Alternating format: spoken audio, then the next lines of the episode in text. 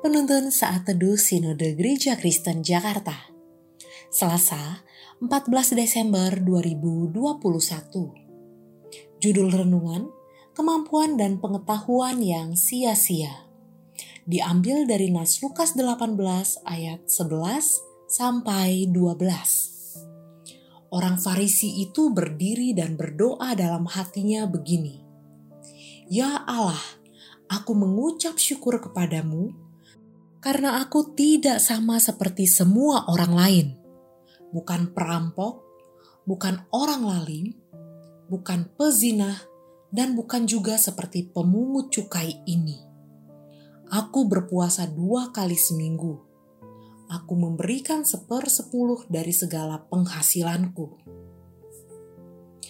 Orang-orang Farisi sangat percaya diri dan suka membandingkan dirinya dengan orang lain mereka selalu merasa lebih tahu dan lebih rohani dalam hal menjalankan kehidupan agama Yahudi. Hal ini membuat mereka bangga, cenderung sombong, dan suka merendahkan orang lain. Mereka suka mencibir orang lain, merasa diri paling baik, dan suka mencari pembenaran diri, seperti yang dilakukan orang Farisi pada pemungut cukai dalam nas ini kita perlu selalu waspada untuk menjaga hati kita.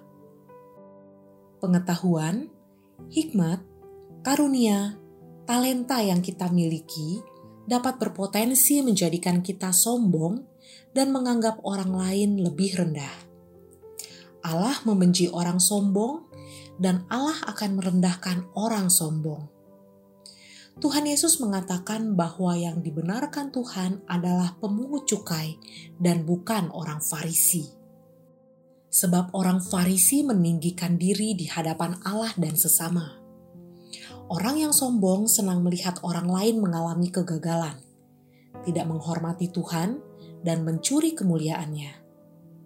Untuk itu, kita memerlukan kepekaan dari Tuhan untuk menyadari kesalahan ini setiap kita memiliki potensi untuk menjadi sombong rohani.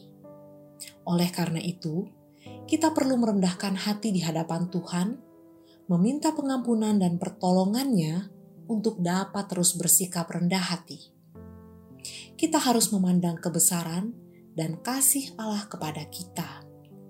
Teladanilah Yesus yang adalah gambaran sejati dari kerendahan. Ia adalah Allah tetapi telah merendahkan dirinya menjadi manusia sehingga mampu taat kepada Bapa, bahkan sampai mati demi penebusan umat manusia.